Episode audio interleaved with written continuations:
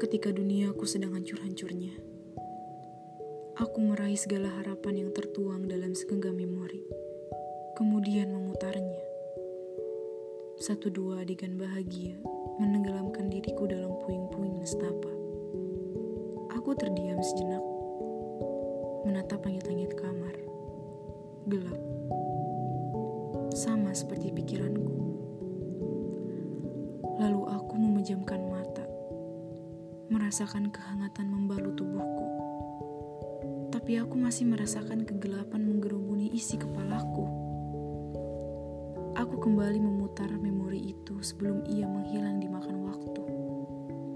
Menikmati kesenangan yang ada di sana dan memperhatikan sosok kecil dengan senyum ramah berlari ke sana kemari yang tak lain adalah diriku.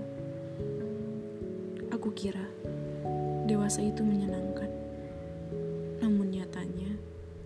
Aku ingin kembali di masa aku belum mengenal apa itu dewasa dan masih sibuk dengan coletehan nakal yang kurindukan.